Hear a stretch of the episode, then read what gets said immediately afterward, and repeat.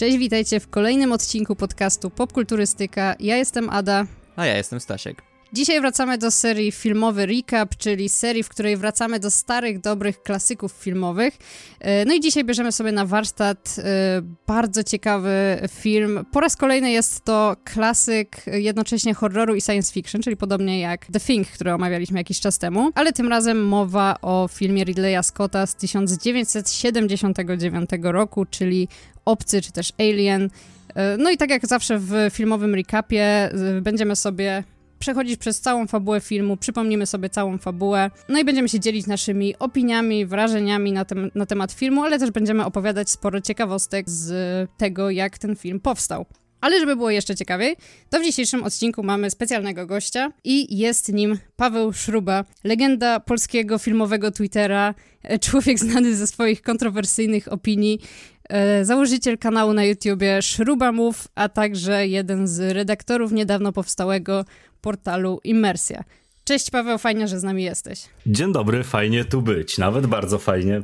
Dobra, to jeszcze tak, zanim zaczniemy do omawiania, no to klasycznie przypominamy, że możecie nas słuchać na wszystkich platformach podcastowych, takich jak Spotify, Apple Podcast czy YouTube i listę wszystkich znajdziecie sobie na anchor.fm ukośnik popkulturystyka. A ja polecam słuchanie popkulturystyki, bo sam słucham jadąc samochodem często bardzo. Wcale nie dlatego, że się znamy. O, jak miło. Bardzo miło. My polecamy też obserwowanie oczywiście Pawła na wszystkich portalach społecznościowych i YouTubach i innych. Tak, i oczywiście linki do wszystkich miejsc, gdzie możecie Pawła znaleźć, znajdziecie w opisie tego odcinka.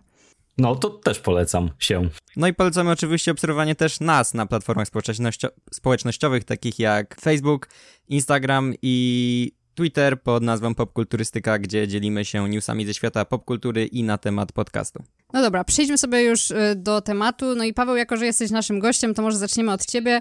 Zanim przejdziemy do omawiania całej fabuły, to zawsze lubimy sobie zacząć od takiego wstępu, gdzie po prostu dzielimy się takimi naszymi ogólnymi wrażeniami, czy jakimiś wspomnieniami związanymi z tym filmem, kiedy go pierwszy raz widzieliśmy, co wtedy o nim myśleliśmy, jaki jest nasz stosunek do niego teraz. Y, więc jakbyś miał tak krótko powiedzieć coś y, o obcym i o twoim stosunku do tego filmu, to co byś powiedział? Jeżeli miałbym krótko powiedzieć coś o obcym, to powiedziałbym, że kocham obcego. To był film, który zobaczyłem chyba na Polsacie jakimś, czy gdzieś tam w telewizji, mając 7 czy 8 lat, i to nie był dobry wiek, żeby obejrzeć ten film, ale już wtedy, już wtedy się w nim zakochałem i jednym z takich moich marzeń w ogóle przez całe moje nastoletnie i dorosłe później życie było obejrzenie obcego w kinie. Ostatnio mi się udało to zrealizować na Camera Image i, i fantastyczny to był sans, pomijając pijanych ludzi, którzy się śmieli na scenie, jak obcy wybijał się przez klatkę piersiową. Ale poza tym było super i, i często wracam do tego filmu. Ostatnio robiłem też rewatch w ogóle całej serii, e, więc no gdzieś tam blisko mojego serduszka jest Ridley Scott, jego obcy i późniejsze kontynuacje, wyłączając tego dwójeczkę, która jest absolutnie fatalnym filmem. No i, wow. no, i, no i wiadomo, że pierwszy obcy był, no wiecie, absolutnie przełomowym filmem, jeżeli chodzi o efekty specjalne, jeżeli jeżeli chodzi o, o, o te efekty praktyczne. Przecież no, obcy w tym filmie to jest po prostu chłop w gumowym kostiumie, w fantastycznym designie Geigera i no wow, jakie to robiło wrażenie i dalej robi. Na przy okazji to jest też świetnie skonstruowany horror, który, który gdzieś tam bardzo fajnie operuje napięciem, budowaniem napięcia, takim niedopowiedzeniem i to jest coś, czego ja szukam w kinie. Szczególnie jeżeli chodzi o horrory właśnie i, i, i takie powiedzmy hard sci-fi. Mhm.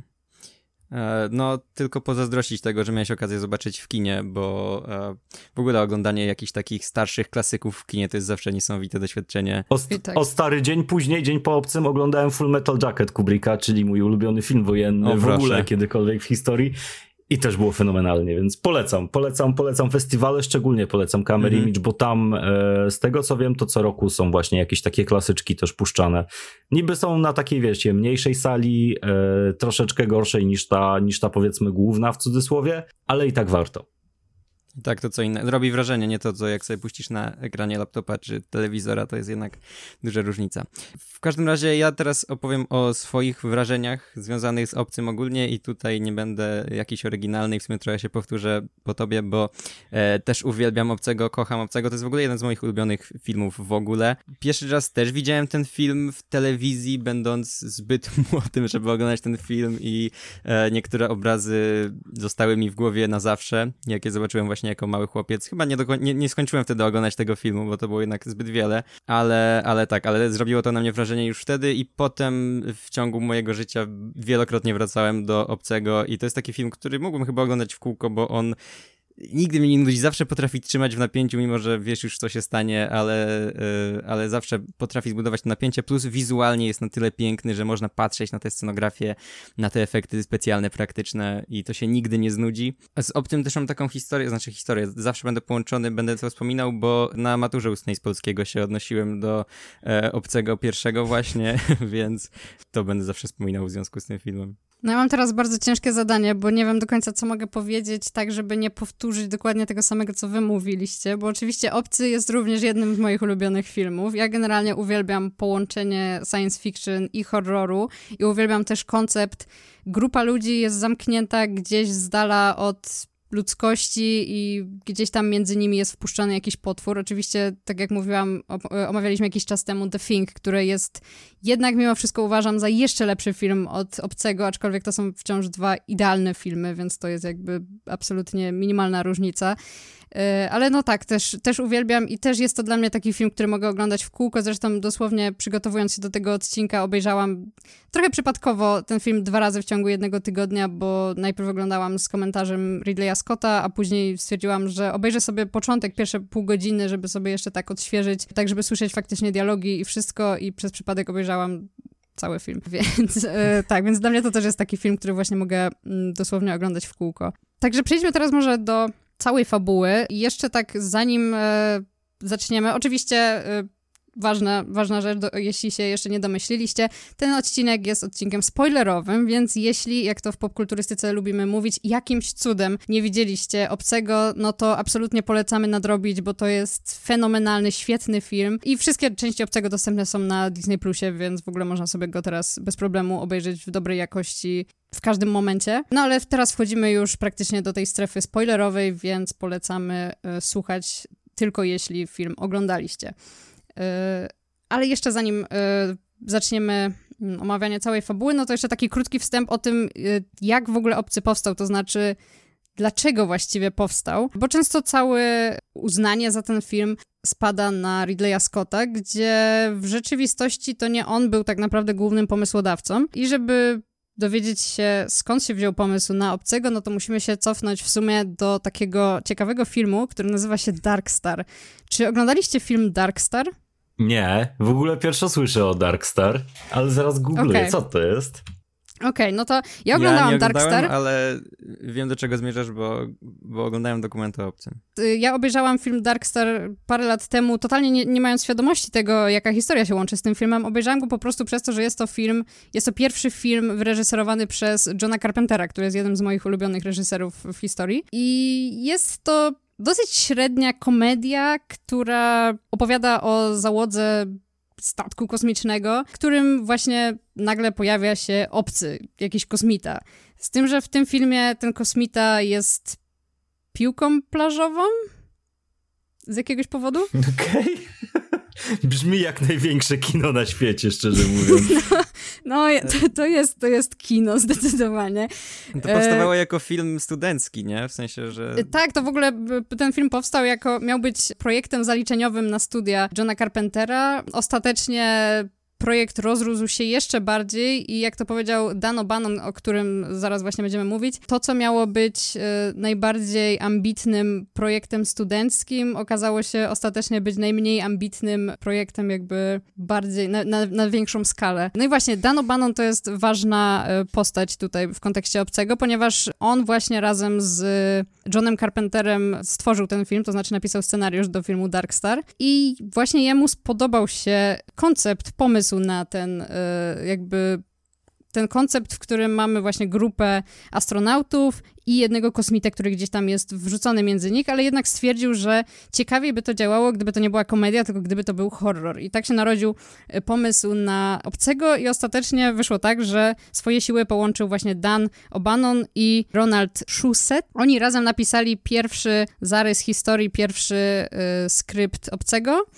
Y, który oczywiście przeszedł przez dużo różnych zmian, zostawał wielokrotnie odrzucany przez różne studia, nikt nie chciał tego filmu zrobić, aż do momentu, kiedy wyszły Gwiezdne Wojny, które mhm. oczywiście przyczyniły się do większego zainteresowania gatunkiem, gatunkiem science fiction, no i wtedy Fox przyjął ten scenariusz, oczywiście przerobili go trochę i tak zaczął się, zaczęły się prace nad Obcym. I teraz chyba możemy już przejść do fabuły filmu. Obcy, ósmy pasażer Nostromo zaczyna się od tego, że w 2120 2022 roku frachtowiec właśnie Nostromo holuje na ziemię rafinerię, jakieś tam rudy i w pewnym momencie załoga zostaje wybudzona z hibernacji przez komputer pokładowy. E, na początku Zakładają, że dlatego, że ich podróż na Ziemię dobiega końca. Zaraz się okaże, że to nieprawda. Ale właśnie w pierwszej scenie, takiej bardziej istotnej, nasza załoga e, je sobie e, wspólny posiłek i już wtedy możemy podziwiać piękną scenografię, te takie białe tła z tymi geometrycznymi wzorami,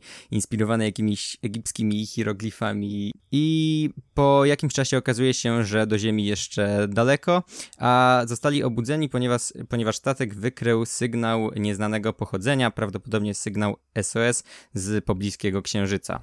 Tak, to teraz jest y, moment na jakieś dygresje, refleksje i całą resztę, także Paweł, możemy zacząć od ciebie.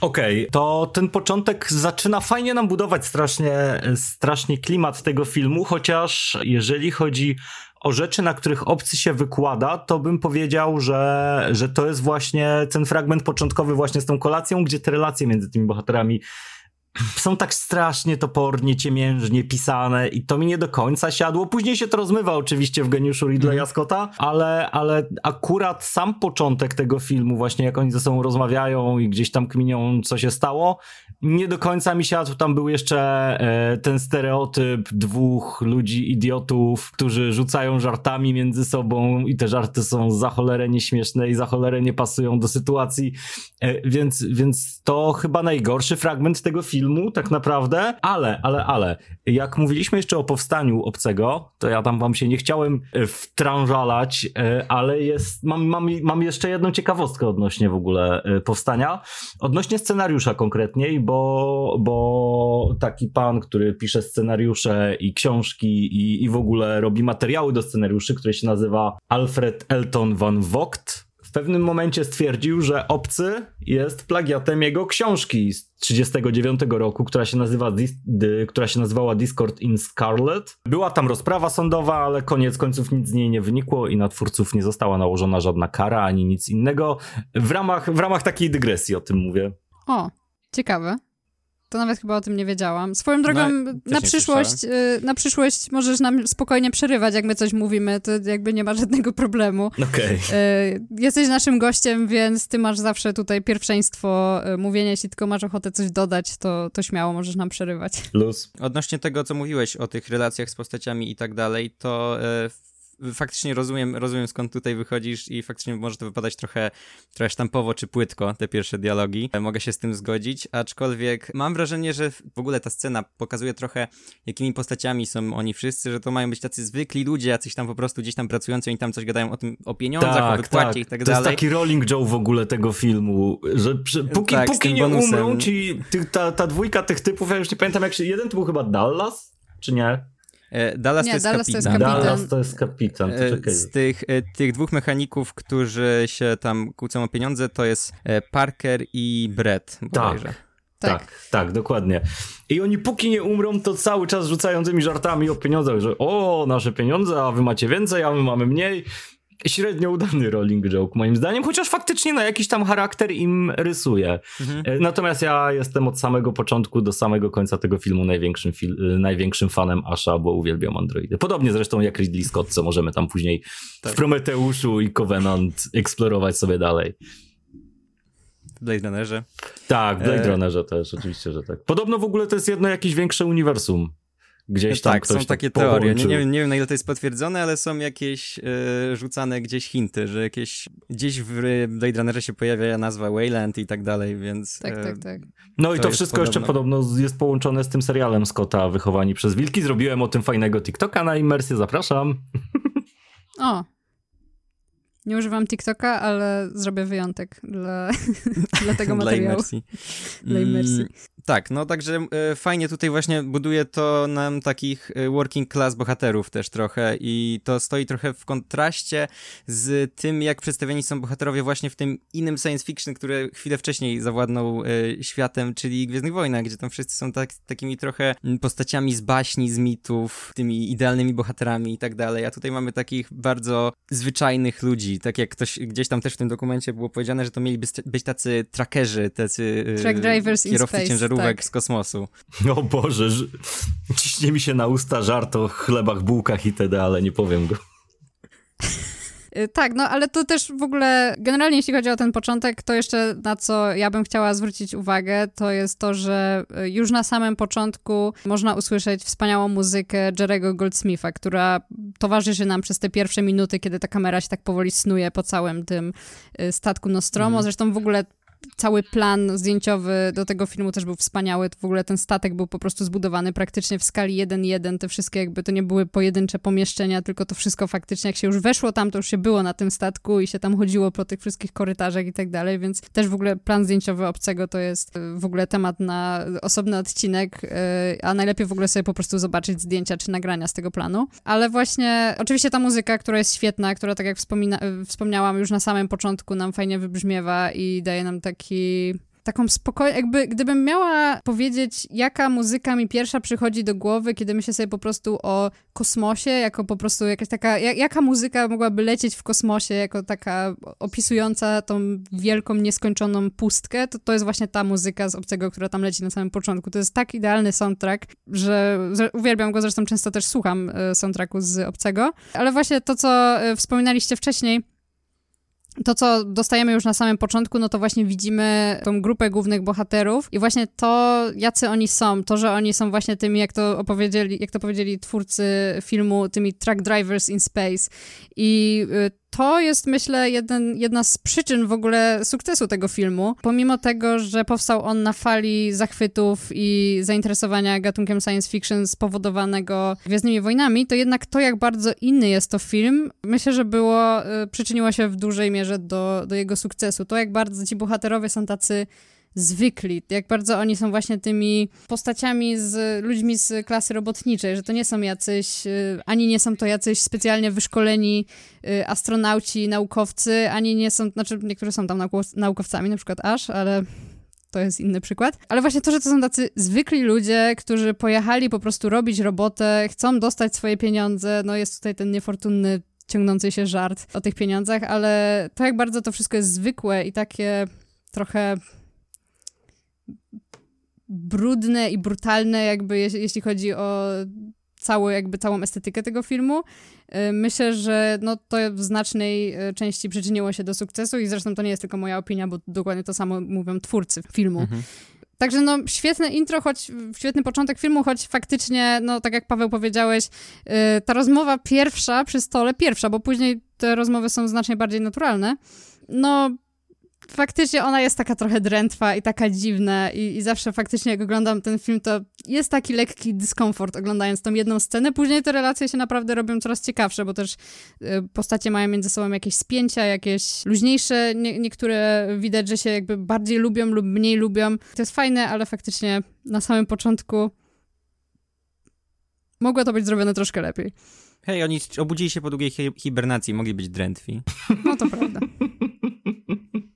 Poznajemy tam w ogóle też główną bohaterkę filmu, czyli Ripley i to jest ciekawe, bo w 79 mamy bohaterkę kobietę, czyli już wtedy lewacka propaganda zaczęła tutaj się powoli pojawiać w Mhm. Hollywood. A tak naprawdę chciałem powiedzieć ciekawostkę, że pierwotnie w ogóle twórcy filmu i autorzy scenariusza nie zakładali, że główny bohater może być kobietą i z tego co Mhm. pamiętam to prezes 20th Century Fox y, na, nakłaniał ich do tego, że to sprawi, że ten film będzie bardziej oryginalny i dotrze do szerszej y, albo jakiejś nowej publiczności. I do, do dzisiaj mnie szokuje to, że faktycznie główną bohaterką bohaterką jest kobieta, że to jest film z 79 roku, film science fiction i horror jednocześnie. Znaczy akurat jeszcze w horrorach e, te kobiety będące głównymi, głównymi bohaterkami, to już zaczynało jakby się robić popularne. W tym samym czasie mniej więcej wychodziło Halloween e, Johna Carpentera, więc e, ten trend akurat się zaczynał pojawiać, ale mimo wszystko jest to film science fiction. No i jest to bardzo rewolucyjne w sumie, jak tak teraz patrzeć na to z perspektywy dzisiejszych czasów i w sumie mimo wszystko, patrząc później nawet na wszystkie lata po obcym, na całe lata 80., to wciąż to nie jest tak, że to rozpoczęło jakiś nowy trend, tylko tak naprawdę to był jeden wyjątkowy film i no, no była jeszcze Sarah, Sarah Connor, Connor, nie? W 84 mhm. i później w, tak, tak. w sequelu. Tak, tak. No właśnie ta Sarah Connor to jest ten jedyny wyjątek jeszcze, ale tak poza tym ale faktycznie było to takie uchylenie drzwi trochę bardziej niż otwarcie nowej ery. Mhm. Mm, tak, chociaż z drugiej strony ja zdecydowanie wolę mieć dwie charyzmatyczne, fantastyczne żeńskie protagonistki w filmach e, właśnie w latach 80. niż takie rozmemłane i nijakie i bez charakteru, jak serwują nam w dzisiejszych czasach. W ilości no, znacznej. No prawda, ale to wszystko jakby zależy od scenariusza. Tak, no jasne, że tak, oczywiście, że tak, to, to bez dwóch zdań. Tak, więc y, tyle tutaj z, z tematów politycznych w dzisiejszym odcinku. Ja, ja, jeszcze, ja jeszcze później będę miała y, takie ciekawe przemyślenia, y, ale to w późniejszej części filmu. A ja, jeżeli chodzi o tematy polityczne, to, to, to powiem wam, że Pierwszy obcy jest w sumie całkiem mocno polityczny. Zimna wojna, komunizm na mhm. wschodzie, rodzący się kapitalizm amerykański i to wszystko w tym filmie jest. Zresztą, no w szczególności kapitalizm, gdzie mamy tą wielką korporację tak, tak. E, Wayland Yutani mhm. wiesz, bez, życie ludzkie nie ma znaczenia i w ogóle całkiem rewolucyjny politycznie film. No, to prawda. Mhm, to prawda. Okej, okay, ale trochę się tutaj zatrzymaliśmy e, na początku, ale lecimy już dalej z fabułą. Nasz holownik Nostromo leci oczywiście obczaić to, ten, ten sygnał. E, na początku załoga się trochę kłóci o to, czy w ogóle powinni to robić. Oczywiście znowu mamy tutaj tych naszych dwóch mechaników, którzy wcześniej chcieli e, bonus, teraz mówią, że nie, e, po co w ogóle tam lecieć, że oni się nie pisali na coś takiego, ale jak im mówią, że no tak wymaga wasz kontrakt i tylko wtedy dostaniecie pieniądze, to nagle już są entuzjastyczni i chcą lecieć na tę planetę, więc tutaj wraca nam już ten żart bardzo szybko. I podczas lądowania na tej planecie w związku z pyłem, jaki znajduje się, znaczy nie na planecie, tylko na Księżycu, w związku e, z pyłem w atmosferze Nostromo się uszkadza, mm, więc e, Brett, Parker i Ripley, czyli ta dwójka tych mechaników oraz Ripley muszą zostać na statku w związku z naprawami, a reszta, Dallas, kapitan, Kane, czyli John Hurt i e, Lambert, czyli druga kobieta w załodze. Swoją drogą, Obcy 2 zdradza, że to jest postać transpłciowa. O! Mm, gdzieś tam w tle jest jakiś dokument, że jest gdzieś tam napisane, że y, inna płeć niż przy urodzeniu, coś takiego. Więc okay, tutaj kolejna bardzo progresywna rzecz, jeśli chodzi o, y, o ten film. Tak, wychodzą na powierzchnię mm, i znajdują obcy statek, a w nim wielki szkielet y, kosmicznego pilota, Space Jockey tak zwany, i Kane trafia na mm, jaja kosmitów, znaczy jakieś kosmiczne jaja. Kosmiczne jaja. Ej, był ten film e. taki, nie? Który się nazywał Kosmiczne tak, jaja. Kosmiczne tak, jaja. Parodią Gwiezdnych Wojen. Był tak, parodią tak. Gwiezdnych Wojen i były tam też elementy z Obcego właśnie. Tam jest taka scena, To jest gdzie... taka parodia chyba w ogóle wszystkich filmów science fiction z tamtego okresu. Trochę, no, głównie, głównie Gwiezdnych Wojen, ale tam jest taka no scena, tak. gdzie jednej z postaci właśnie Obcy wychodzi z brzucha jak w, w tym filmie i potem zaczyna tańczyć czy coś. E, zawsze mi się to przypomina, jak właśnie oglądam Obcego i jest ta scena później oh. z, tym, e, z, z, z Johnem Hertem. Ale tak, e, może zatrzymajmy się tutaj też na chwilę przy tym, przy tym statku kosmicznym, którym, który znajdują, bo to moim zdaniem też jest bardzo fajny plan jest Oj, i tak. ja będę tutaj bronił w tej chwili Prometeusza, który jest świetnym filmem i bardzo niedocenionym. E, I powiem, jest. że Ridley Scott od początku planował inżynierów i ten chłop, który go znajdują, ten wielki pilot mm, w tym hełmie, tak, to jest po prostu, to jest po prostu któryś z rasy inżynierów, którzy sobie radośnie przemierzają galaktykę, zarażając kolejne planety czarną mazią z Prometeusza i z Alien Covenant i tworząc nowe życia. To jest mój headcanon, proszę mi tego nie zabierać. E, a tak całkowicie serio, to, to, to, to naprawdę świetnie buduje znowu atmosferę grozy na tej planecie. Ja nie mam pojęcia, jak oni zrobili scenografię jakby, ale jak oni wychodzą i widzimy te skały i ten statek, niemiłosiernie dobrze to wygląda, lepiej niż w niejednym dzisiejszym filmie. Więc tutaj znowu jakaś taka maestria, jeżeli chodzi o, o detale, o taką pieczołowitość e, scenografii, wylewa się wręcz z ekranu. Mhm, wygląda to niesamowicie i właśnie ten, e, ten Space Jockey, ten wielki szkielet kosmity, mm, który tam się pojawia, to jest jeden z tych obrazów, które zostały mi, utknęły mi po prostu gdzieś w głowie na, na zawsze, jak właśnie byłem dzieckiem e, i to obejrzałem, to jeszcze zanim w ogóle zobaczyłem Xenomorfa i, i zobaczyłem to i już z jakiegoś powodu to, te, ten szkielet tego kosmity sprawił, że ciarki przyszły mi po plecach i, i, nie potrafiłem już się pozbyć tego obrazu z głowy, więc zawsze będzie mi się to kojarzyło z tym filmem. No bo wiesz, bo to jest takie niepokojące, takie coś całkiem innego, tak, właśnie... coś takiego dziwnego, mhm. wpadającego nawet, wiesz, w taką swego rodzaju dolinę niesamowitości, a przy okazji jest to w miarę, w miarę przyziemne, jeżeli mowa o takiej, wiesz, zwykłej ludzkiej percepcji, no bo chłop, tylko że duży i w takim no. dziwnym kasku, ale to dalej chłop. I, to jest właśnie magia troszeczkę tego filmu, że on potrafi rzeczy mm, z pozoru zwykłe przedstawić w taki bardzo niepokojący, niekomfortowy sposób. Mhm. Zapadający w pamięć, nie? Tak, i to jest też magia e, Hansa Geigera, o którym było wcześniej wspomniane, który tak. odpowiadał za wszystkie koncepty związane z, mm, z obcym, właśnie też z tym, z tym księżycem i, mm, i który w ogóle znany był już wcześniej z, ze swojej sztuki, która e, łączyła jakieś takie organiczne elementy ludzkie z, z maszynami. To właśnie tutaj jest pięknie pokazane e, w postaci tych, tego tła, które, jeśli dobrze pamiętam z tego dokumentu, to tam jakiś zwierzęcych kości używano do, mhm. do tworzenia tego, y, tych, tej scenografii, mm, żeby to wszystko miało właśnie taki organiczny wygląd jest z tym elementem kosmicznej, kosmicznych maszyn jakiś. I to sam Geiger tutaj odpowiadał za rzeźbienie i malowanie tych, tych, tej scenografii i wygląda to absolutnie niesamowicie, tak jak powiedzieliśmy wcześniej. Tak, ta scenografia i w ogóle designy w tym filmie to jest w ogóle coś niesamowitego. Ja w ogóle jestem fanem biomechaniki bardzo, a szczególnie tak. tej w wydaniu e, geigerowskim. E, ciekawostka, niedawno wyszła giereczka, która się nazywa Skorn i bardzo mhm. mocno czerpie z, z właśnie z, z konceptów żywcem wyjętych z Geigera, chociaż przez Geigera nie stworzonych. Wizualnie jest niesamowita, ale reszta to nudy, więc... Nie, Gameplayowo słyszałem. Tak, nie, nie, będę polecał, ale warto sobie zobaczyć chociażby na jakimś gameplayu czy na czymś e, same koncepty, bo są niesamowicie ciekawe. I obrzydliwe. I obrzydliwe, tak. Czyli wszystko, co kochamy w kinie.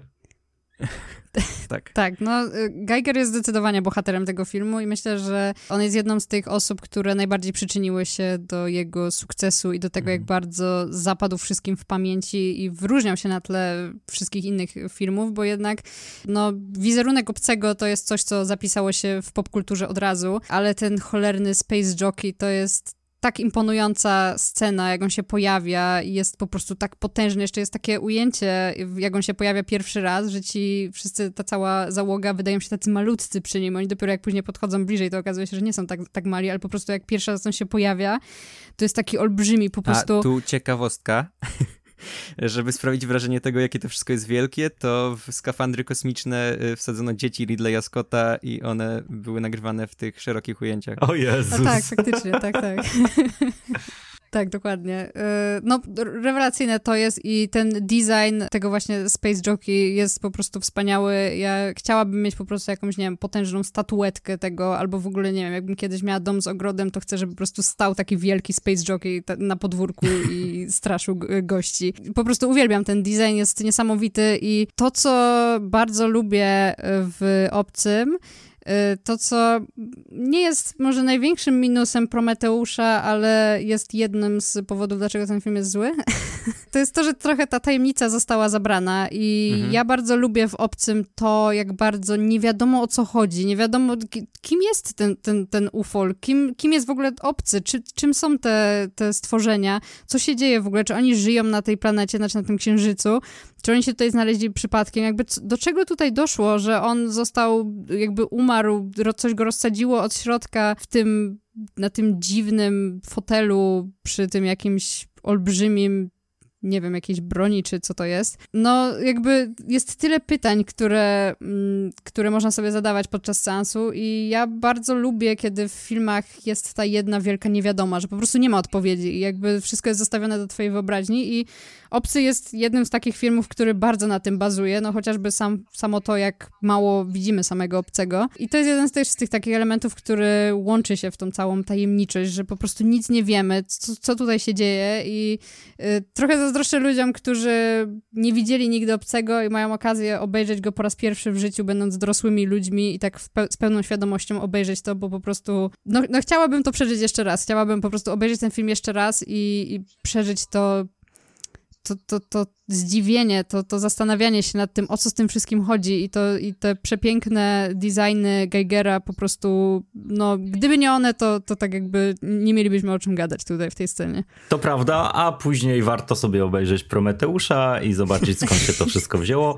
E, nie warto. Warto, bardzo warto. Tym bardziej, że w Prometeuszu, jak oni wchodzą w ogóle do tej sali, to jest, to jest przeniesienie sceny praktycznie jeden do jeden z obcego. Tam też jest E, no już wiemy, że inżynier w tym takim hełmie i identycznie to wygląda, prawie prawie jeden do jeden y, nagrane w ten sam sposób. Więc chociaż dla, chociażby dla tej sceny warto, a samo rozwiązanie tajemnicy w Prometeuszu jest super. Mimo, że wielkimi fana, wielkim fanem jakby prequeli jako takich nie jestem, to akurat tutaj to zagrało zdecydowanie, zdecydowanie in plus moim zdaniem.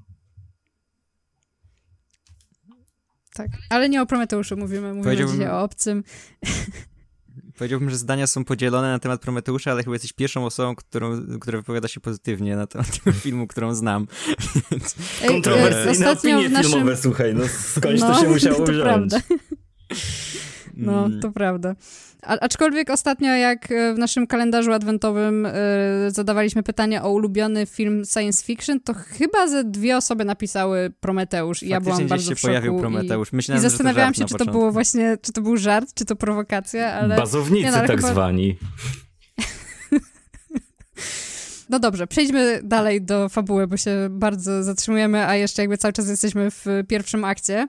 No ale tutaj mamy moment, w którym fabuła zaczyna trochę nabierać tempa, ponieważ Kane zostaje zaatakowany przez Facehagera, oczywiście Kolejna, no tutaj myślę, że możemy nawet e, użyć słowa iconic scena. To jest też jedna z rzeczy, e, którą lubimy robić w filmowych recapach, zastanawiać się, która scena jest najbardziej iconic i myślę, że tutaj jest potencjał na, na taką scenę. No oczywiście same jaja, ich design po raz kolejny wspaniały, no i sama scena zaatakowania, świetna, zaraz będziemy o tym rozmawiać. E, no ale Kane traci przytomność, Dallas i Lambert zabierają go z powrotem na statek, ale Ripley jako jedna z niewielu osób z resztką jakiegoś rozumu y, i godności człowieka, y, no mówi, że nie, no nie wpuści ich, bo jakby są zasady dotyczące kwarantanny i nie może ich wpuścić, bo no takie są zasady i jakby tak podpowiada też logika.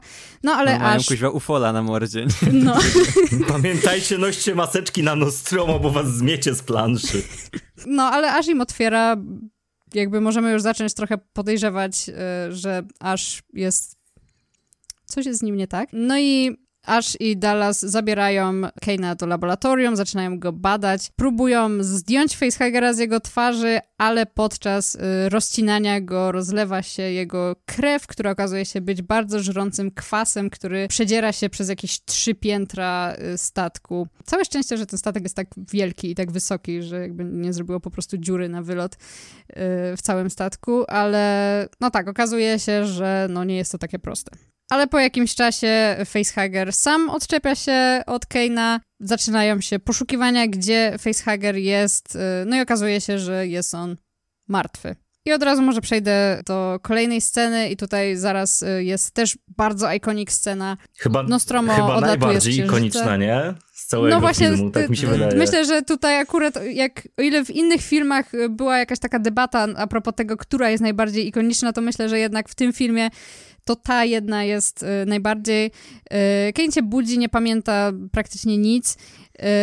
no ale wszyscy stwierdzają, no dobra, chyba jest okej, okay, idziemy jeść. w ogóle nikt nie, nie, myśli o tym, że nie wiem, ta kwarantanna czy cokolwiek, czy jakieś dalsze badania, dobra, wywalone, No właśnie, to idziemy wrócę jeść. teraz na chwilę do poprzedniej sceny, kiedy właśnie Ripley nie chce ich, ich wpuścić, to wtedy to jest taki moment, że automatycznie zaczynasz ją lubić, bo masz takie, okej, okay, ona jest jedną osobą, która myśli, w końcu jakaś postać w horrorze, która ma rozsądek i nie, nie wpuści po prostu tych ludzi z tym kosmitą na twarzy, no tak. ale wszyscy inni niestety E, ich uczucia wobec przyjaciela wygrywają z rozsądkiem. Ja też nie jestem pewien, czy to był rozsądek taki stricte czysto rozsądkowy, czy to nie było już po tym, jak oni w międzyczasie rozszyfrowali ten przekaz i tam było w tym przekazie, że nie lądujcie tutaj, czy coś tam, bo tu jest śmierć, tak, to, jakieś to takie pierdółki. Drogą, że mhm. To nie był SOS, tylko ostrzeżenie tak, bardzo. Tak, tak. Mhm. więc nie wiem, czy to było przed, czy po.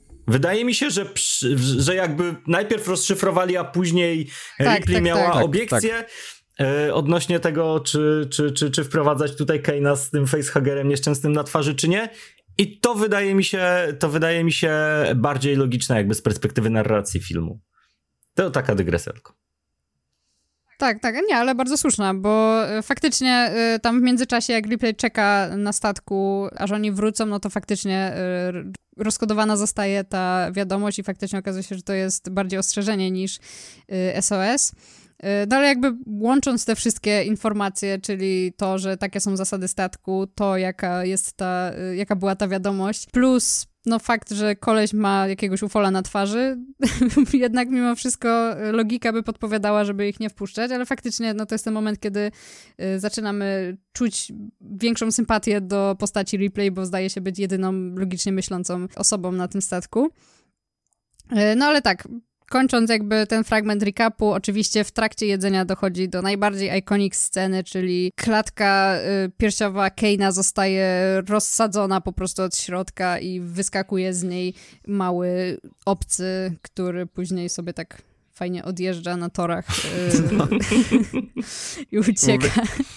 Uwielbiam to, jak on odjeżdża w taki bardzo, nie wiem, mechaniczny sposób, ale jednocześnie Tak, on dosłownie tam miał szyny. Pasuje nie? to...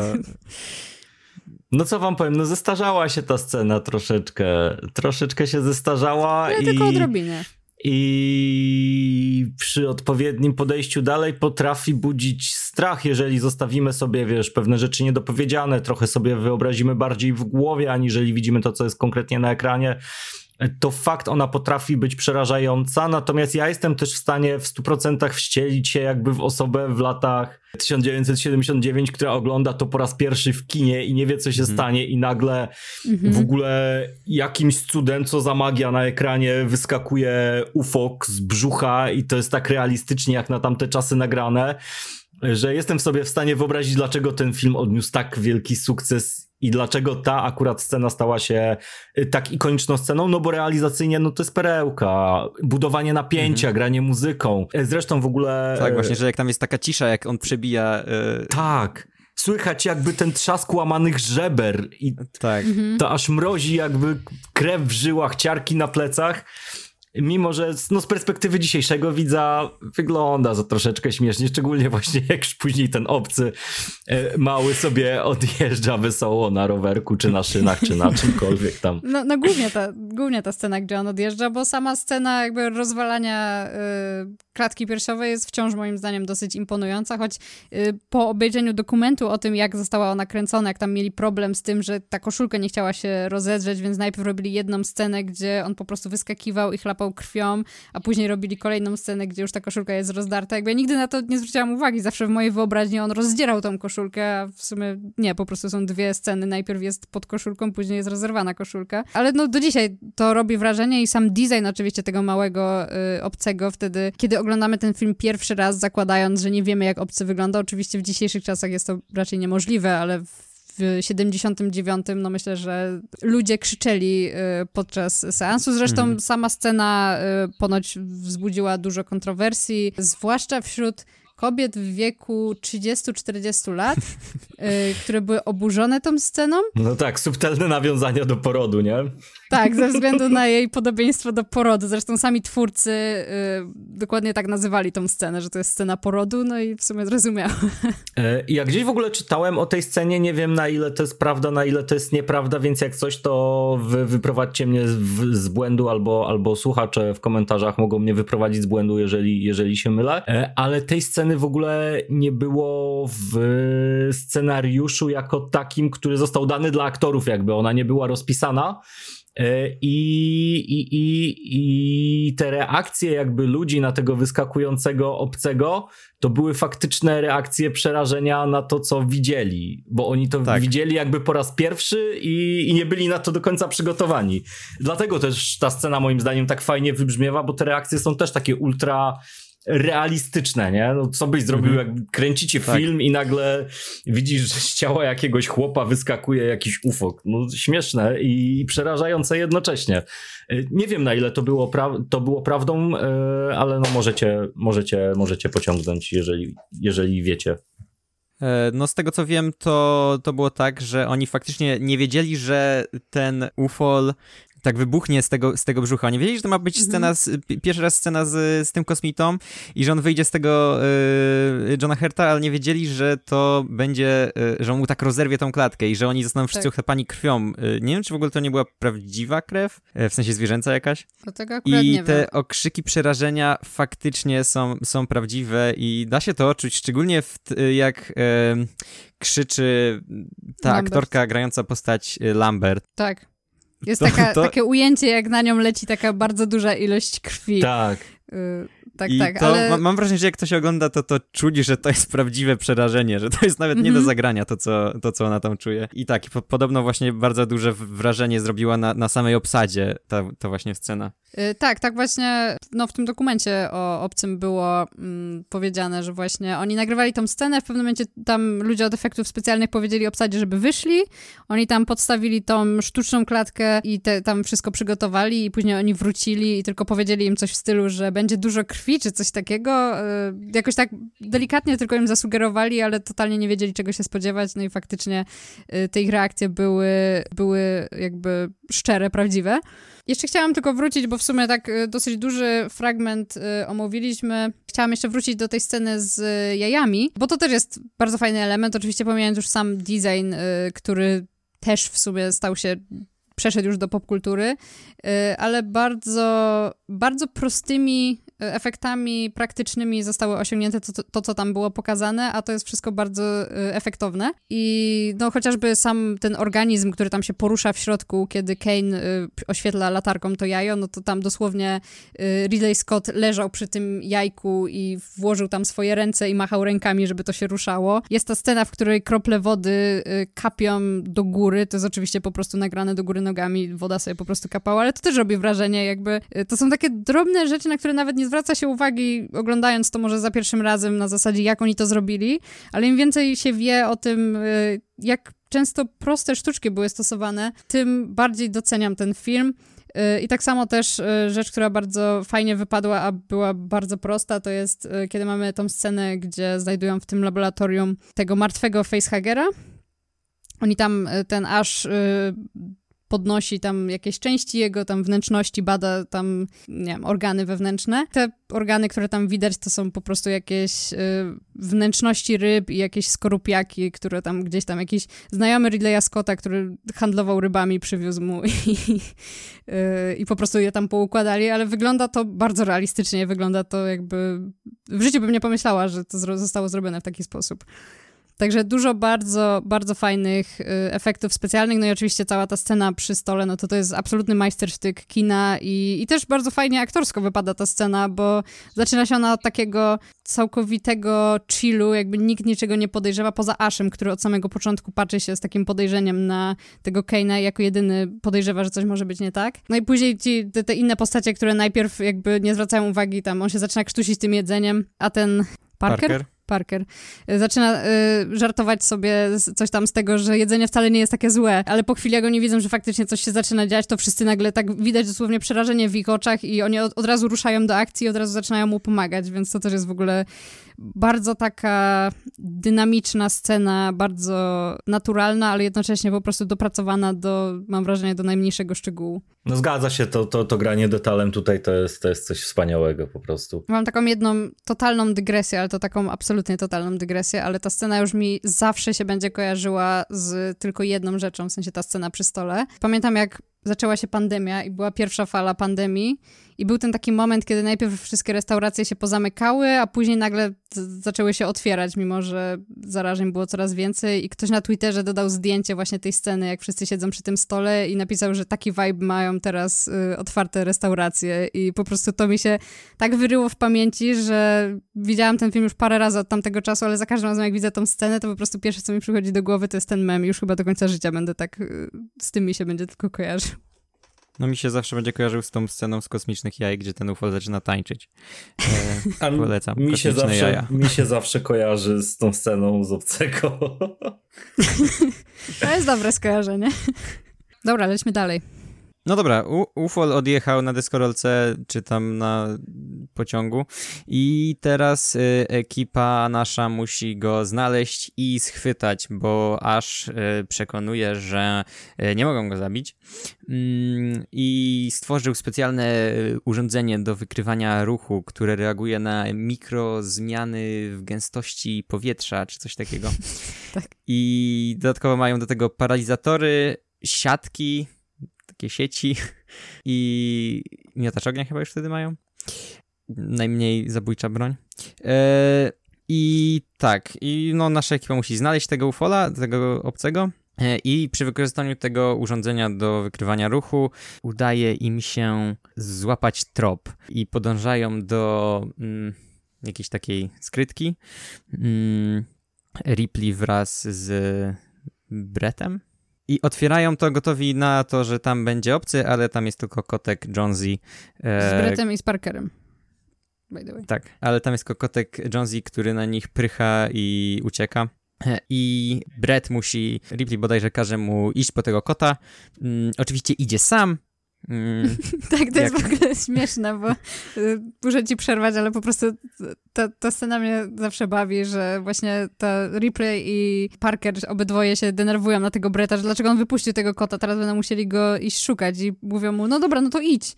A my sobie tu postoimy no. i będziemy nic nie robić, idź sam. No i wiadomo, co się dzieje, jak ktoś gdzieś idzie sam.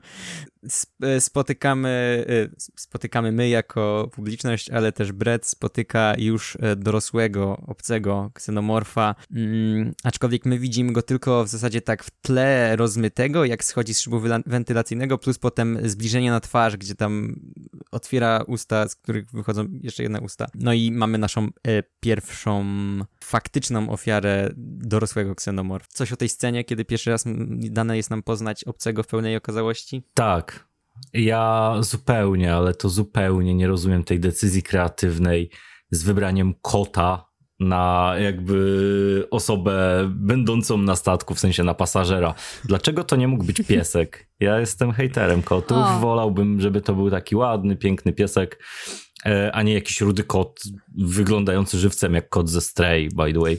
E... Ja jestem fanem kota Jonesa i bardzo tutaj szanuję kogokolwiek, kto podjął taką decyzję. No, to ja wolałbym, ja wolałbym pieski zdecydowanie.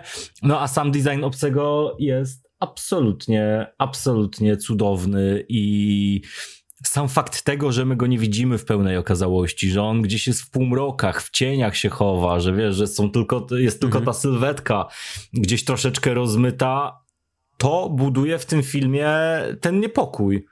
Bo gdyby tak. pokazali go od razu, to no nie miałbyś się czego, czego bać. Chodzi właśnie o te niedopowiedzenia, które są w tym filmie fantastycznie zrealizowane i które mhm. zupełnie rujnuje na przykład drugi film, gdzie obcy to już nie jest ten straszny potwór jeden, co zabija i go widzimy i, i, i go nie widzimy i, i, i wiesz, i działamy bardziej na powiedzeniach, tylko no fizyczny mhm. potwór albo grupa potworów w sumie bardziej w, w dwójce, która jest no już gorzej zrealizowana i, no, tylko... i, i, i wiesz, jest tylko mięchem ormatnim do odstrzelenia tak naprawdę.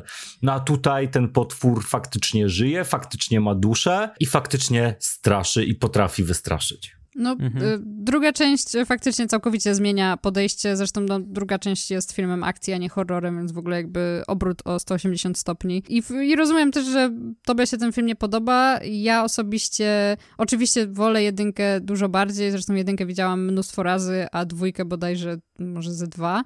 Y, zresztą muszę sobie ten film odświeżyć. Ale... Ja chyba teraz sobie pójdę dalej z całą serią, bo tak mi się y, spodobało tak, to, te, ten też, rewatch.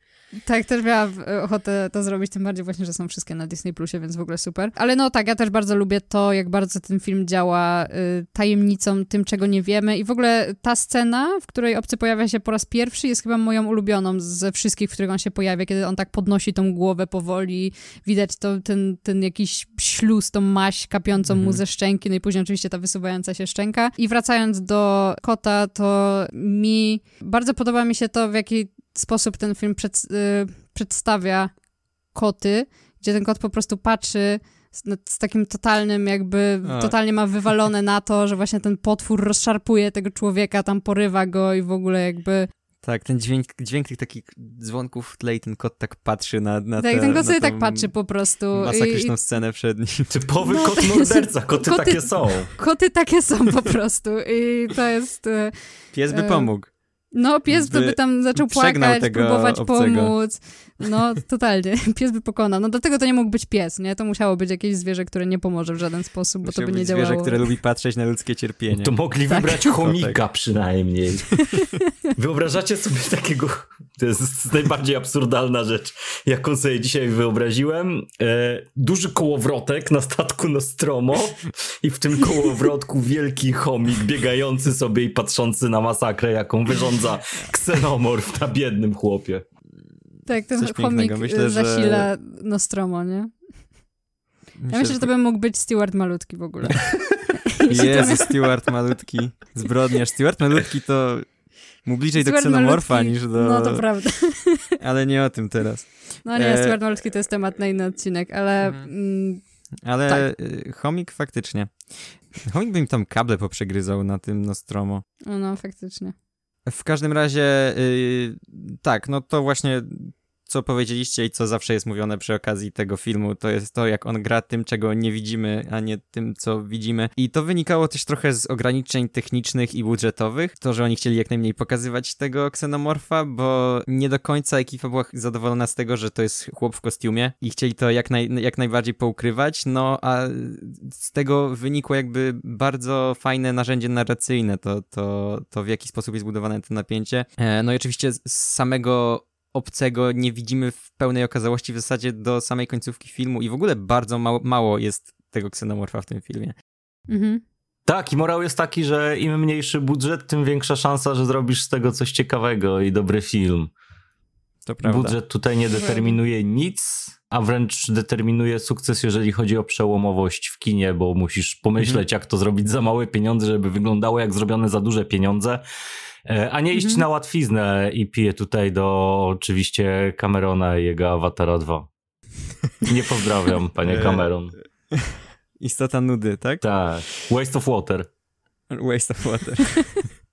No i, no więc tak, po tym jak Brett zostaje porwany, zabity, yy, ekipa dowiaduje się, że dochodzą do, do, do, wniosku, że y, obcy musi się przemieszczać przez wentylację. Y, no i Dallas, kapitan, decyduje się na to, żeby tam pójść i wypłoszyć go za pomocą miotacza ognia. To jest swoją drogą kolejny film, w którym pojawiają się miotacze ognia i tak jak miotacze ognia są naturalnym wyposażeniem naukowych stacji na Antarktydzie, to tak też są najwyraźniej podstawowym wyposażeniem statków kosmicznych.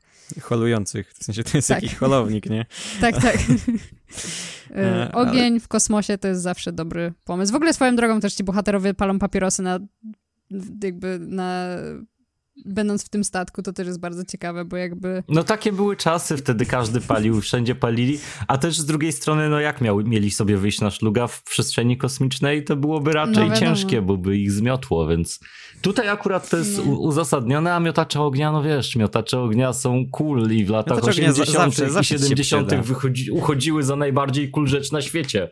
E, nie, jakby ja, ja, ja bardziej... nie mówię, że nie, to jest, e, uważam, że wciąż miotacze ognia są bardzo cool, ale, ale po prostu to jest zabawne, że to jest jakby drugi film pod rząd, który omawiamy w filmowym recapie i okazuje się w jednym i w drugim, że miotacz ognia to jest jakby podstawowe wyposażenie każdej stacji jakiejkolwiek. Mhm. E, e, tak, i kapitan Dallas podejmuje bardzo rozsądną decyzję wejścia do szybu wentylacyjnego, w którym na pewno jest obcy. tak.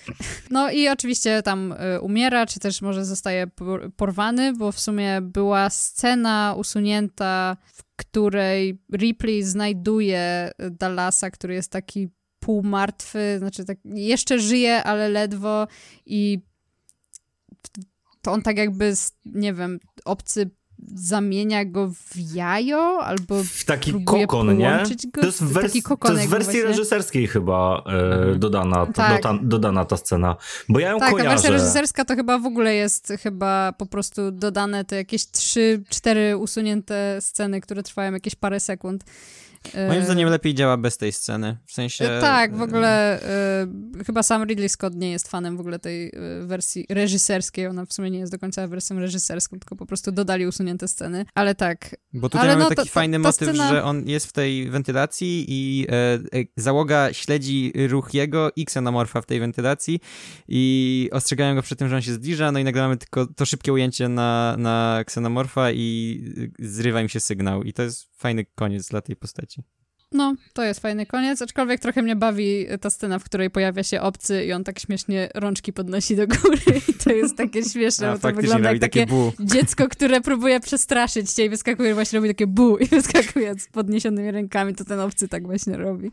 I ta scena, ta scena jest trochę śmieszna moim zdaniem. Trochę tak, ale znowu tutaj, e, znowu tutaj działa to, co w tym filmie działa w praktycznie każdej scenie, czyli klimat, czyli ten niepokój, mhm. który, się, który się wydarza, czyli granie muzyką po raz kolejny. I tu w, no, w praktycznie każdej scenie możemy mówić de facto to samo, bo, bo na te same elementy jakby Ridley Scott kładzie największy nacisk. Pewnego momentu w tym filmie po prostu cały czas czujemy to, że ten obcy tu jest, ale go nie widzimy i, mm. i, i na tym się opiera większość tych scen. Tak, i co najdziwniejsze i najciekawsze, to wcale nie nudzi. To tak, to jest bardzo angażujące. To jest w sumie trochę podobny motyw jak w Niewidzialnym Człowieku, że po prostu ten obcy może być wszędzie, ale jednocześnie może też go wcale nie ma nigdzie w pobliżu i nie wiemy i tak jakby cały czas ten film gra tym napięciem, że nie wiemy gdzie on jest, bo może być wszędzie, a może też jest nigdzie. Yy, no i to jest super. No ale tak, przechodząc yy, dalej, yy, Ripley, jako że jest teraz, naj, ma teraz najwyższą rangę spośród wszystkich y, pozostałych żywych, no to ma teraz dowodzenie, więc ma też dostęp do matki, czyli komputera y, całego statku. W ogóle chyba nie mówiliśmy za bardzo o, o Mother, ale dzięki temu, że ma ten dostęp, no to dowiaduje się, że aż dostał polecenie, żeby przywieźć y, obcego na ziemię, nawet jeśli ma to być kosztem życia załogi. Jest to taka co... scena, gdzie aż się tak wyłania z zdania i mówi I can tak. explain. tak, to jest, to jest trochę śmieszne. No ona zaczyna go atakować i bić, co jest w ogóle super, w sensie jakby to jest logiczne rozwiązanie. No i dochodzi generalnie do walki y, z nimi, aż zaczyna dusić Ripley za pomocą zrolowanej gazety.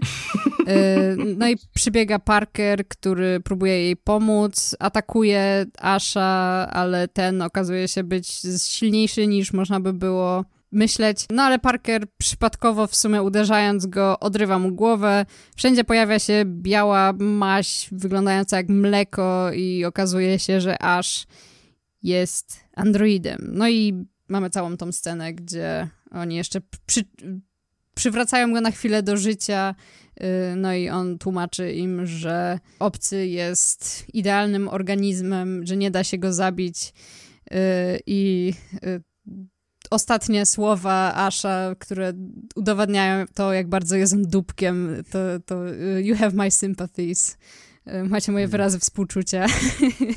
jakby jeszcze w taki sposób on to mówi, że tak jakby była jakaś nadzieja, ale nie, on do, do ostatniej sekundy jest po prostu dupkiem. I to jest, ko- no, także... to jest kolejna ikonik moim zdaniem scena w tym filmie i jakbym miał mhm. powiedzieć o mojej ulubionej scenie, to chyba byłaby jednak ta, to znaczy cała akcja z Ashem i później przesłuchiwanie, przesłuchiwanie Asha, w sensie tej urwanej głowy tak naprawdę. Mhm. Po pierwsze dlatego, że kocham androidy, po drugie dlatego, że kocham dupków w filmach i oni są zawsze jakby najciekawszym elementem, jeżeli mamy jakąś, wiecie, grupę, załogę czy coś i jest tam dupek, to z dużym prawdopodobieństwem możemy stwierdzić, że ten dupek będzie jedną z najbardziej interesujących postaci. A... Zwłaszcza jak Grego i Ian Holm. Tak, a po trzecie dlatego, że to jest tak niesamowicie technicznie zrealizowana scena, tak nowatorska mhm. i wydaje mi się, że nawet technicznie ciekawsza aniżeli ten wyskakujący obcy podczas, podczas tej sceny jedzenia. No bo kurczę, do tej pory nie jestem sobie w stanie wyobrazić, jak oni mogli wpaść na ten pomysł, żeby urwana głowa mówiła i żeby mhm. to wyglądało naturalnie. Wiadomo, że tam widać przejście pomiędzy kukłą urwanej tak. głowy zrobioną z jakiejś gumy czy plastyku, a faktyczną głową i chłop był prawdopodobnie schowany pod podłogą czy coś, whatever, ale wygląda to naprawdę fenomenalnie.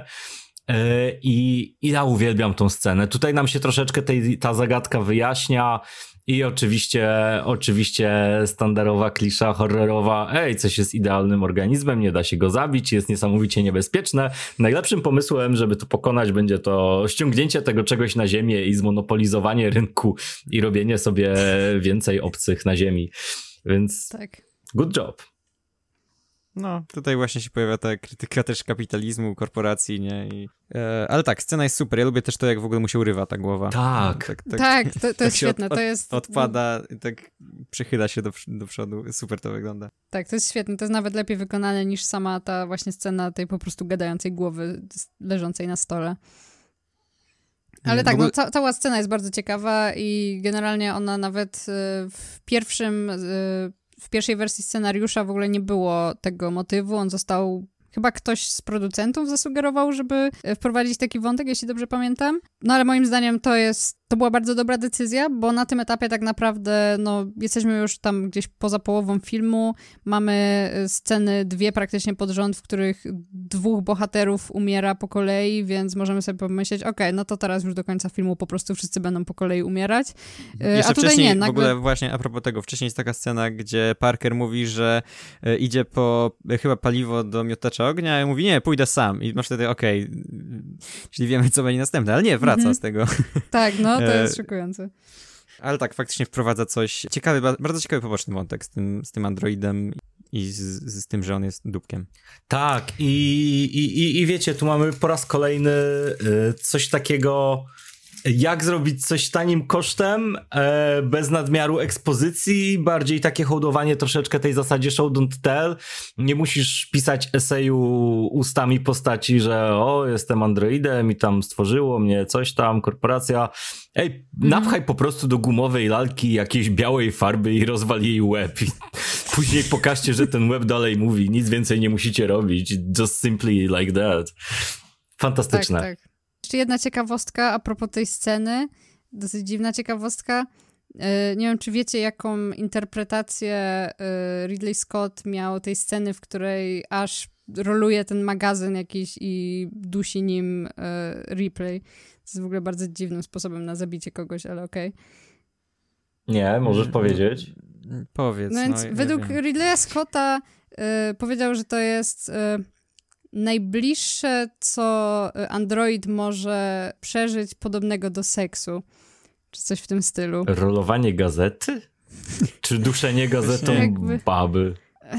Ja nie wiem, panie Scott, jakie, jak wygląda pana życie yy, łóżkowe, ale chyba nie chciałam wiedzieć jakby. Czy, ale faktycznie też mnie to bardzo wzięło zaskoczenie, kiedy oglądałem ten moment i nagle Rilisko zaczyna mówić o seksualności w tej scenie. I ja takie... Tak. Znaczy, bo ona była taka trochę intymna, w sensie na takim bardzo awkward poziomie można tak powiedzieć, ale znaczy ja wiem. Tam jeszcze w tle, w tle w ogóle są za nimi chyba jakieś plakaty z gołymi babami, nie? Jak tak, jak tak, tak. tam walczą w którymś momencie. No, to musi być pokój kogoś z załogi. Tak. Y, no, także to jest taki dziwny fun fact, który trochę mnie wypił z oglądania y, filmu. Miałam takie co? Y, no ale okej, okay, przemilczmy to. Więc tak, zostają trzy żywe postaci. Parker, Lambert i Ripley. No i jako, że aż powiedział, że obcego nie da się zabić, no to decydują się na to, że najlepszym, największą szansą na przetrwanie będzie ucieczka wahadłowcem yy, i wysadzenie całego Nostromo. No i Lambert i Parker idą przynieść yy, ogniwa yy, potrzebne do podtrzymania życia. Y, no i Xenomorph ich zabija tak dosyć szybko w sumie te postaci nagle zniknęły. No ale po tym Ripley postanawia... Mhm, ale dostaniemy, dostajemy tam kolejną scenę z Xenomorfem, gdzie chyba jakby to jest kolejny stopień, że trochę więcej go widać przez chwilę. Tak, tak. No ale potem Ripley y, sama musi sobie poradzić, zostaje ostatnią żywą y, osobą z załogi Nostromo i... Jeszcze Jonesy. Uruchamia... A, jeszcze Jonesy, tak. Uruchamia autodestrukcję, ma 10 minut, żeby y, dostać się do tego wahadłowca. Y, ale jeszcze przypomina sobie, że jest kot, że jest Jonesy, więc wraca po niego, no i razem z nim pakuje się do tego, do tego wahadłowca. No tam wcześniej jest taka scena budowania napięcia, że ona chce jednak wyłączyć tą, tą destrukcję, myśli, że nie zdąży, tak. bo ten ksenomorf jej tam zablokował drogę, ale to ostatecznie sprowadza się do tego, że udaje jej się dobiec na czas. No, mimo wszystko, przez to, że cały czas jest to odliczanie, to ta scena jest bardzo trzymająca w napięciu i nawet mhm. oglądając ten film któryś tam już raz, to cały czas jest to napięcie, bo cały czas słychać to odliczanie, cały czas słychać to odliczanie, ona później próbuje właśnie jednak wyłączyć tą autodestrukcję. Tak, ale o sekundę y za późno tam tak. coś, coś tam robi, nie? To w ogóle uwielbiam ten Zaczyna mechanizm, który tam jest do tego uruchamiania tej autodestrukcji. Jakby jest tak ciekawy w swojej prostocie. Te takie tuby? Tak. tak. Mhm. No i wiecie, ta walka z czasem tutaj też jest, też jest bardzo fajnie ugrana. Ostatnio oglądałem ten film właśnie na kamerę Image i nie jestem pewien, ale wydaje mi się, e, że ta sekwencja trwa faktycznie koło 10 minut. E, mhm. Że ona jest powiedzmy równolegle do tego, co dzieje się w świecie, e, w świecie, w świecie filmu.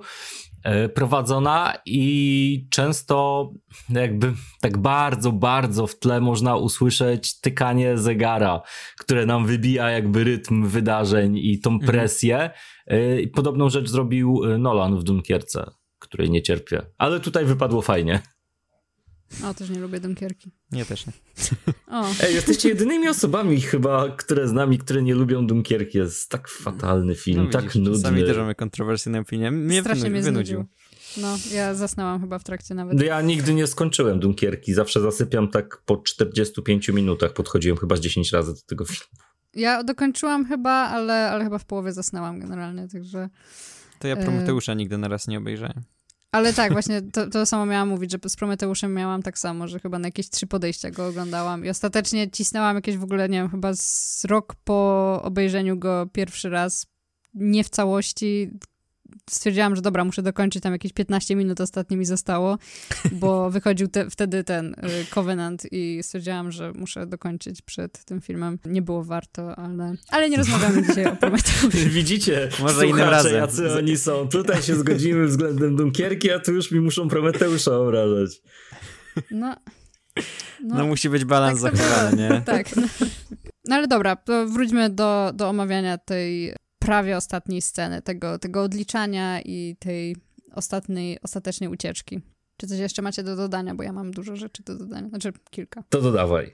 Yy, Okej, okay, to tak. Po pierwsze, yy, ciekawa yy, jeszcze uwaga, tak w sumie trochę się wracając, trochę wracając do tego momentu, kiedy jeszcze mamy te trzy ostatnie osoby, to mówiłam wcześniej, y, jak omawialiśmy, że jeszcze coś będę mówić a propos tego, jak polityczny jest ten film. Gdyby obcy wyszedł w dzisiejszych czasach, i mielibyśmy horror, w którym trzy ostatnie postaci, które przeżyły, to są dwie kobiety i jeden czarnoskóry mężczyzna, to ja już widzę, co ludzie na Twitterze by pisali, że to jest lewacka propaganda, że to jest woke film i że coś, a tutaj to jest jakby to całkowicie naturalne i w ogóle jakby dopiero teraz w sumie oglądając ten film tak dotarło do mnie, że o, to jest, to jest bardzo nietypowe. Jakby ci No, biali mężczyźni biali, umierają biali najpierw. faceci jako pierwsi tam zgrywali y, bohaterów i poumierali. To jest jedna rzecz. Y, Druga to też taka, y, też coś, co Ridley Scott powiedział a propos tego filmu. W późniejszej części właśnie, kiedy ta Ripley przypomina sobie o tym kocie i wraca się po niego, y, Ridley Scott powiedział, że no, że tutaj nagrywając tą scenę miał takie poczucie, że kurde, że no pewnie ludzie będą zarzucać mu później, że co to jest za głupota w ogóle, że, że ona ratując swoje życie nagle wraca się po kota, marnuje czas, że w ogóle co to jest za... Ale nie, jakby nikt, nikt w ogóle nie zwrócił na to uwagi, nikt nigdy nie, nie zarzucał mu temu, że, tego, że to jest głupie i stwierdził, że jednak Mm, To jest y, naturalne. dużo miłośników zwierząt y, musi być wśród fanów obcego. Ale w sumie to jest trochę głupie, żeby się wracać specjalnie po kota. A jakby to był chomik? No dobra, jakby to był chomik, to nie byłoby aż tak głupie, a jakby to był piesek, to, to byłoby wręcz wymagane. To prawda, to prawda.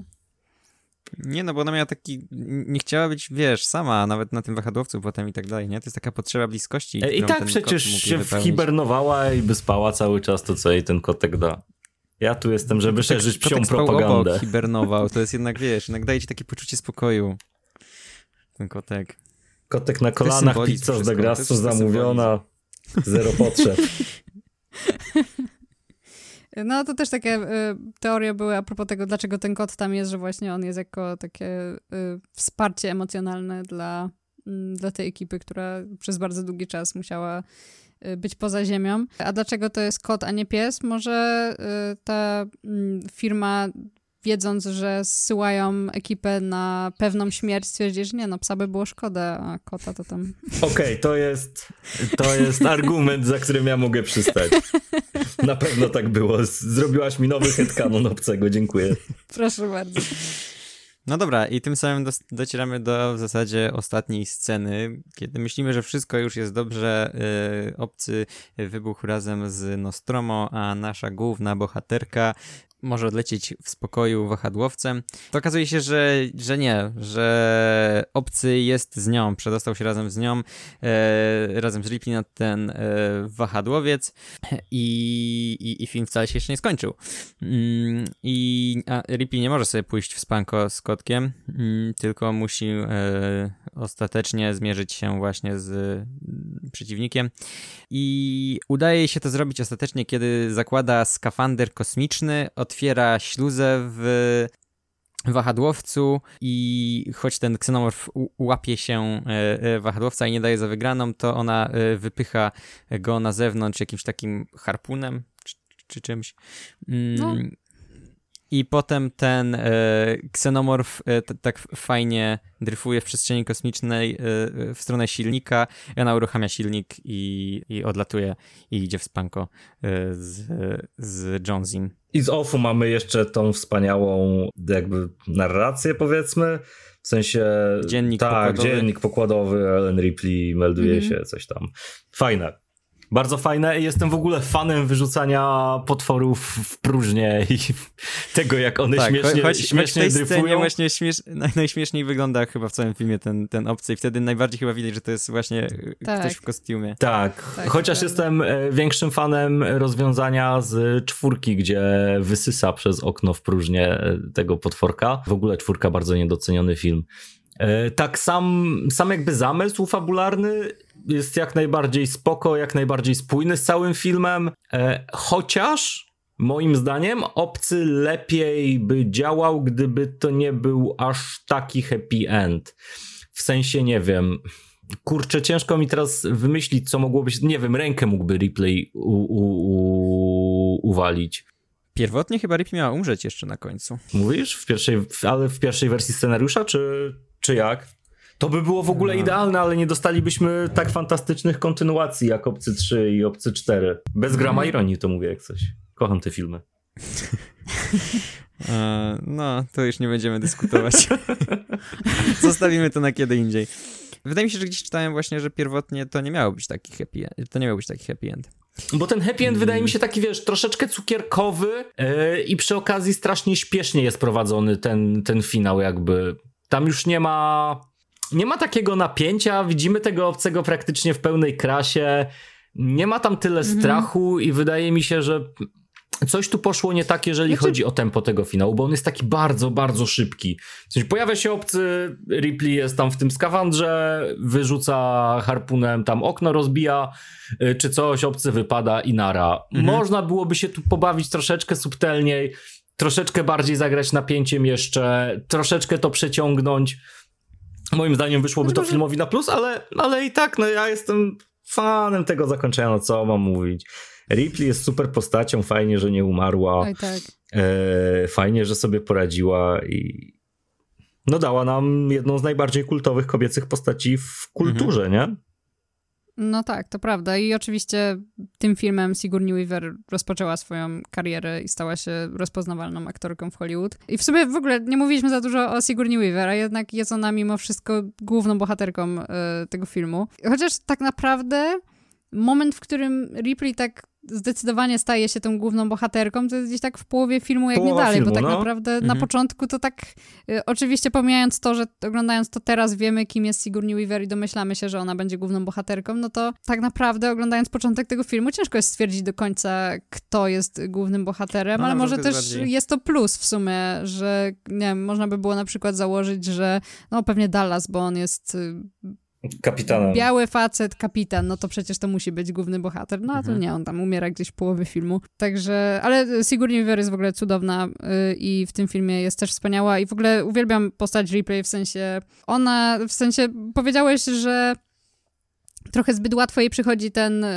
to ostateczne pokonanie tego obcego, ale ona, ona sobie zasłużyła na to tym, przez cały film, bo ona była jedyną osobą na tym statku, która myślała logicznie, która nie dawała się ponieść emocjom i która faktycznie jakby robiła to, co trzeba zrobić, żeby... A jednocześnie była dość ludzka przy tym, w sensie to nie jest tak, że... Mhm.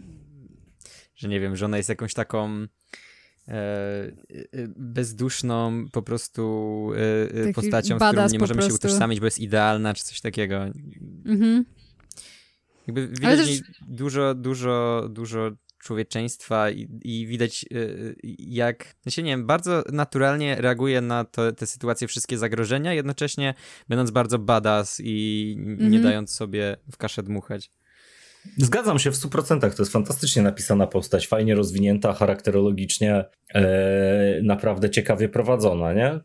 No tylko ja miałem taki niedosyt po prostu, jeżeli chodzi, jeżeli chodzi troszeczkę o, o ten finał. A Sigourney Weaver jest absolutnie fantastyczną aktorką i chciałbym ją częściej oglądać w kinie, bo ostatnio mam jej niedosyt. Mhm. To Na prawda. przykład taki film był ostatnio Avatar. No ale tam nie ma, znaczy jest w dwóch scenach Sigourney Weaver. Nie, nie widziałem a tak, to, Avatara a, tak, a tak to jest ta postać, która ma jej głos i w sumie nawet nie wygląda jak ona, bo te wszystkie niebieskie ludki wyglądają tak samo. E, ale, ale fun fact, ta postać grana w cudzysłowie przez Sigourney Weaver w Avatarze 2 to jest najciekawsza postać w filmie i najlepiej prowadzona postać w filmie, więc po raz kolejny Sigourney Weaver jest cudowną aktorką i więcej jest. jej w kinie. Tylko w formie ludzkiej może, a nie, a nie niebieskich kotów. No, Sigourney Weaver jest super. E, a jeszcze co do tej sceny ostatniej, to ja chcę jeszcze zwrócić uwagę na rzecz, która zawsze mnie zachwyca, czyli design skafandrów kosmicznych w tym filmie, bo to nie są takie jakieś proste, oczywiste mm -hmm. skafandry kosmiczne, które by się znalazły w większości filmów science fiction, czy w nie wyglądają, oczywiście nawiązują do y, skafandrów NASA czy coś, ale mają na sobie jakieś takie żłobienia, jakieś takie wzory, ornamenty, trochę mają w sobie coś z samurajskiej zbroi y, i wygląda to absolutnie fantastycznie. Właśnie w tej ostatniej scenie dostajemy dużo zbliżeń na Ripley w tym, w tym skafandrze i, i zawsze mi się bardzo podobało to, jak one wyglądają. Tak, w ogóle super było też, yy, najlepiej wypadały te skafandry w ogóle w tej scenie na początku filmu, kiedy yy, załoga tam chodzi po powierzchni tego księżyca, gdzie one jeszcze mają ten taki, wypuszczają ten jakby powietrze tam od góry i leci taka para i mają oczywiście jeszcze oświetlenie na, na twarze. Mhm co później stało się w sumie y, takim klasykiem w filmach sci-fi, że oświetlenie, żeby widać było twarze i mimikę postaci, ale podobno były bardzo niewygodne i totalnie podejrzewam, że y, wszelkie jakieś przepisy BHP zostały złamane podczas nagrywania tego filmu. Tak, podobno mdleli w ogóle Y, aktorzy w tych... Tak, oni tam praktycznie mdleli właśnie podczas nagrywania, bo tak bardzo były. mm, W ogóle nie, nie było żadnej wentylacji w, tym, w tych kostiumach, a jeszcze jak mieli założone te, y, jakby w pełni całe te, te kostiumy, no to, to już w ogóle była masakra. Właśnie y, John Hurt, który w sumie chyba najdłużej ze wszystkich nosił ten skafander, no to bardzo cierpiał podczas nagrywania tego, ale w ogóle tam na planie tego filmu, jak porówna się to, jak był on nagrywany do tego, jak teraz się nagrywa filmy, to ja mam wrażenie, że w dzisiejszych czasach to oni tam, nie wiem, jakieś kary zapłacili za to, jak, jak ci aktorzy byli y, traktowani. Jest na przykład, nie scena usunięta, jak Lambert y, tak uderza y, Ripley w twarz tak z liścia i to było totalnie jakby Sigourney w, w ogóle nie wiedziała o tym, że tak będzie, tylko po prostu Ridley Tak, Scott powiedział, że ona potem, tak nie? zrobiła. tak. E, No, także No w Y. dzisiejszych czasach ciężko, żeby powstał taki film i pewnie by został skancelowany, nim by wyszedł, e, ale bardzo się cieszę, że kiedyś działali w rytm zasady wszystko dla sztuki, nic przeciwko sztuce i przynajmniej te kombinozony, mimo że były pewnie niewygodne, mimo że się pewnie w nich źle czuli, to wyglądają super. Mhm. Szkoda, że dzisiaj tak nie robią filmów. Tylko Tak. idą strasznie na łatwiznę w zdecydowanej No, większości. No tak, i właśnie im, im więcej się w sumie dowiaduje o tym, jak ten film powstawał, tym bardziej docenia się to, jak, jak kiedyś się robiło filmy Mhm. i jak dużo trzeba było myśleć o tym, żeby po prostu zrobić jakąś taką rzecz, która no, z perspektywy dzisiejszego widza może wydaje się bardzo łatwa, bo wszystko da się zrobić w CGI, no a kiedyś tego nie było i trzeba było sobie jakoś radzić i kombinować, robić efekty praktyczne i trzeba było, reżyser musiał się kłaść gdzieś tam pod sztucznym jajkiem i machać rękami, żeby coś się w środku jajka ruszało i No tak. no, to jest Dla- magia kina. Chciałem tutaj taką dygresję, ale a propos właśnie praktycznych efektów specjalnych i, i tego, jak to się kiedyś robiło e, jak to się też zmieniało na przestrzeni lat, to jest świetny serial dokumentalny na Disney Plusie Light and Magic, który opowiada o ILM i o tym, jak tworzono efekty specjalne e, na, na potrzeby Star Wars najpierw, a potem wszystkich innych filmów, jakie powstawały e, i tam to ILM pracowało i tam właśnie bardzo dużo jest takich ciekawostek, jak, jak robiono niektóre rzeczy kiedyś i bardzo, bardzo gorąco polecam. Okej, wlatuję na watchlistę. E, no i to trzeba doceniać takie rzeczy, szczególnie e, w, w czasach artyści związani z wszelakimi efektami specjalnymi są traktowani tak, jak są traktowani przez Marvela i inne duże studia. Dobrze, trochę boomersko się zrobiło pod sam koniec. Trochę mówiliśmy o tym, jak to kiedyś było, a teraz już nie jest. E, Kiedyś ale to byli filmy, teraz to nie ma filmów. teraz, nie ma, teraz nie ma kina. No, ale chyba, chyba powoli musimy kończyć, bo trochę się rozgadaliśmy, ale jednak no, Obcy to jest taki film, o którym można by było naprawdę dużo rozmawiać i pewnie gdybyśmy się nie powstrzymywali, gdyby nie tutaj jakieś chęć tego, żeby ten odcinek nie trwał trzy godziny, no to byśmy naprawdę mogli długo, długo trwa, e, rozmawiać o tym. No ale chyba, chyba pora kończyć, także dzięki bardzo Paweł, że byłeś z nami. Super się rozmawiało razem i cieszę się też, że mieliśmy okazję porozmawiać o tak dobrym i fajnym filmie jak Obcy. To ja dziękuję za zaproszenie, było fantastycznie, jeszcze kiedyś się wproszę. Na przykład jak będziecie robić kontynuację Obcego, żeby trochę poobrażać Camerona przy Obcym 2. O, to może, możemy tak się umówić, że jak będziemy kiedyś robić omówienie dwójki, to zaprosimy cię. Może też będzie trochę ciekawe, jak będziemy mieć trochę inne opinie, bo my ze Staśkiem generalnie często mamy bardzo podobne opinie na temat filmów. No i z tymi tak naszymi czasem- gośćmi, których zapraszaliśmy też zwykle tak było. No to prawda. No i, no i tutaj też tak jest. A, No. a przy okazji dwójki to ja będę obrażał, chociaż nie wiem czy chcę, bo bym musiał znowu rewatchować ten paskudny film. No to może Prometeusza zrobimy mu. Ja mam- o, to już bardziej. A to wtedy Prometeusza my będziemy sobie musieli rewatchować. Ale też, też to jest- byłyby podzielone opinie. Mm, To jest zawsze ten, razie ten problem. na pewno jeszcze się kiedyś e, na, e, w ramach tego podcastu spotkamy. Tak, Fajnie, a na dzisiaj to by bardzo było... fajnie było tu gościć. i bardzo miło było Ciebie gościć. Yy, Na dzisiaj kończymy. Jeszcze tak yy, chciałabym tylko wspomnieć yy, na sam koniec, gdyby ktoś był ciekawy odnośnie tego, skąd braliśmy wiedzę na temat no, obcego tego, jak ten film powstawał. Po pierwsze, komentarz Ridleya Scotta do filmu, komentarz z 1999 roku, bo jest jeszcze drugi z 2003, ale słuchałam kawałek i jest moim zdaniem zbyt chaotyczny. A także dokument The Beast Within, Making of Alien, gdyby ktoś był ciekawy, trzygodzinny dokument o tym, jak powstawał Obcy. Mm, Nie jest tak dobry, jak mógłby być, ale myślę, że mimo wszystko dosyć ciekawe. No i to chyba wszystko. Także No, przypomniało mi się coś teraz. Dużo tutaj rzucaliśmy ciekawostek, dużo zachwycaliśmy się panem e, Geigerem, a nie wspomnieliśmy e, w takim podcaście, jakim jesteśmy my, gdzie bardzo dużo lubimy mówić o Dune i wspominać o Dune, nie wspomnieliśmy, że on e, pracował pierwotnie nad Dune'ą Chodorowskiego i Faktycznie. dużo, część designów podobno, które stworzył na potrzeby te, tego filmu przeszło właśnie do obcego. Tak, i część designów przeszło też do e, Inkala, czyli tego, tego komiksu Chodorowskiego. Tak. To ostatnia ciekawostka No, więc mo jeszcze. możemy zakończyć Musiałem stwierdzeniem, że, że Geiger koksem był po prostu. No, totalnie. Geiger Król, no to jest... No gdyby nie on, to te, ten film, tak jak mówiliśmy już wcześniej, nie byłby tak popularny i nie byłby takim klasykiem, jakim jest. Ale w ogóle odnośnie, odnośnie jeszcze designów, to nie wiem, czy wiecie, ale w pierwszym jakby planie Geigera było to, żeby obcy miał oczy takie tak. duże, tak, tak. ludzkie tak. i podobno wyglądało to przekomicznie i przepaskudnie. No, teraz ciężko sobie wyobrazić w ogóle, ale faktycznie. Dobrze, żegnamy się po raz kolejny. Także dziękujemy za słuchanie i na razie. Cześć. Dzięki wielkie, hej, papa.